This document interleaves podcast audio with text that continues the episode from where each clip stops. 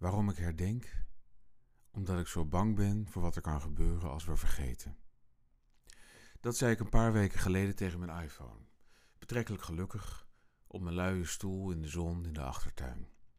Ik had een glas witte wijn onder handbereik en ik lag te genieten van de suburbane lente. Een witte, tevreden man met gezin, buik en belang in zijn luie stoel in de achtertuin van zijn eigen huis in Utrecht.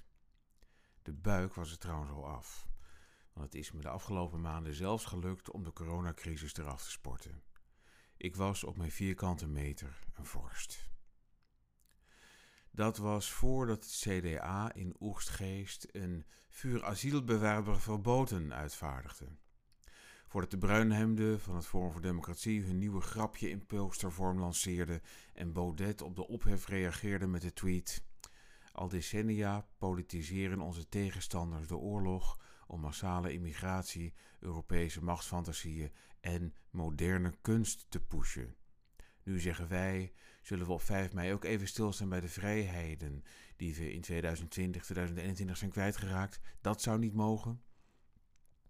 Kortom, het was voordat ik me realiseerde dat Bert van Brussel gelijk had toen hij zei: The universe is unjust.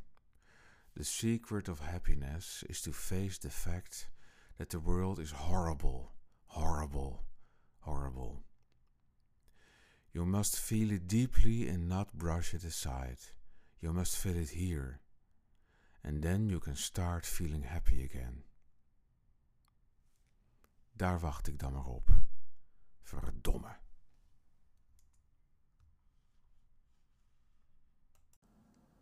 Ben je blij met deze podcast?